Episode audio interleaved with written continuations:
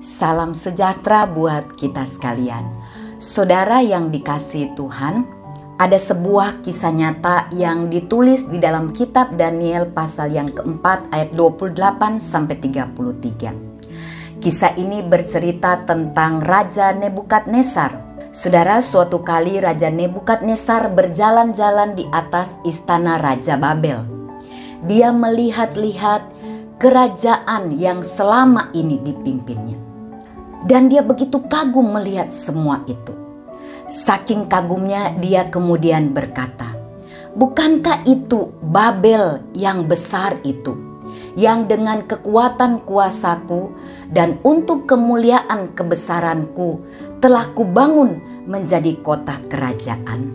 Saudara, inilah awal dari kejatuhan Raja Nebukadnezar. Tuhan tidak berkenan dengan kesombongan hatinya. Tuhan tidak berkenan dengan keangkuhan hatinya. Alkitab mencatat, sebelum dia selesai berbicara, Tuhan sudah mengambil alih kerajaannya, menghalau dia dari antara manusia. Bahkan yang lebih mengerikan, Tuhan membuat dia menjadi sama seperti binatang. Saudara, dari kisah Raja Nebukadnezar ini, kita dapat mengambil pembelajaran. Ketika Tuhan membuat kita berhasil, ketika Tuhan membuat kita menjadi orang sukses, ketika kita mendapatkan segala sesuatu yang mungkin tidak didapatkan oleh orang lain, jangan pernah sombong, jangan pernah menjadi tinggi hati, jangan pernah menjadi angkuh. Jangan pernah merasa bahwa apa yang kita dapatkan itu semua karena kehebatan kita. Nabi Yesaya memperingatkan di dalam Yesaya pasal yang kedua ayat yang ke-17. Manusia yang sombong akan ditundukkan dan orang yang angkuh akan direndahkan. Hanya Tuhan sajalah yang maha tinggi pada hari itu.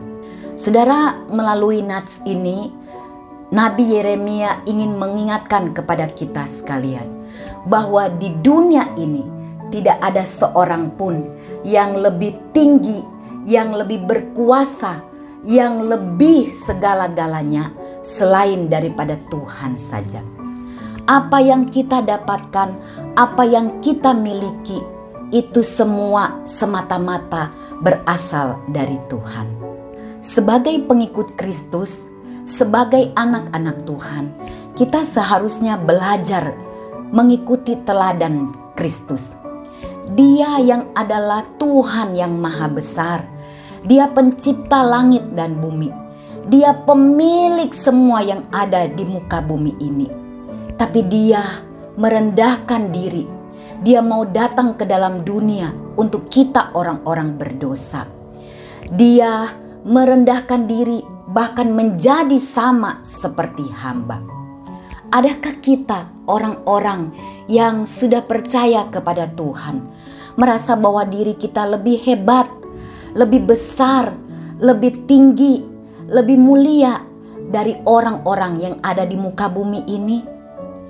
Saudara, jangan sampai kita lupa diri. Jangan sampai kita terlalu sombong terlalu memegahkan diri, sehingga satu kali Tuhan merendahkan kita. Biarlah firman Tuhan ini selalu mengingatkan kita untuk menjadi orang-orang yang rendah hati, karena orang yang rendah hati pasti disayang Tuhan. Kiranya Tuhan menolong kita semua. Amin.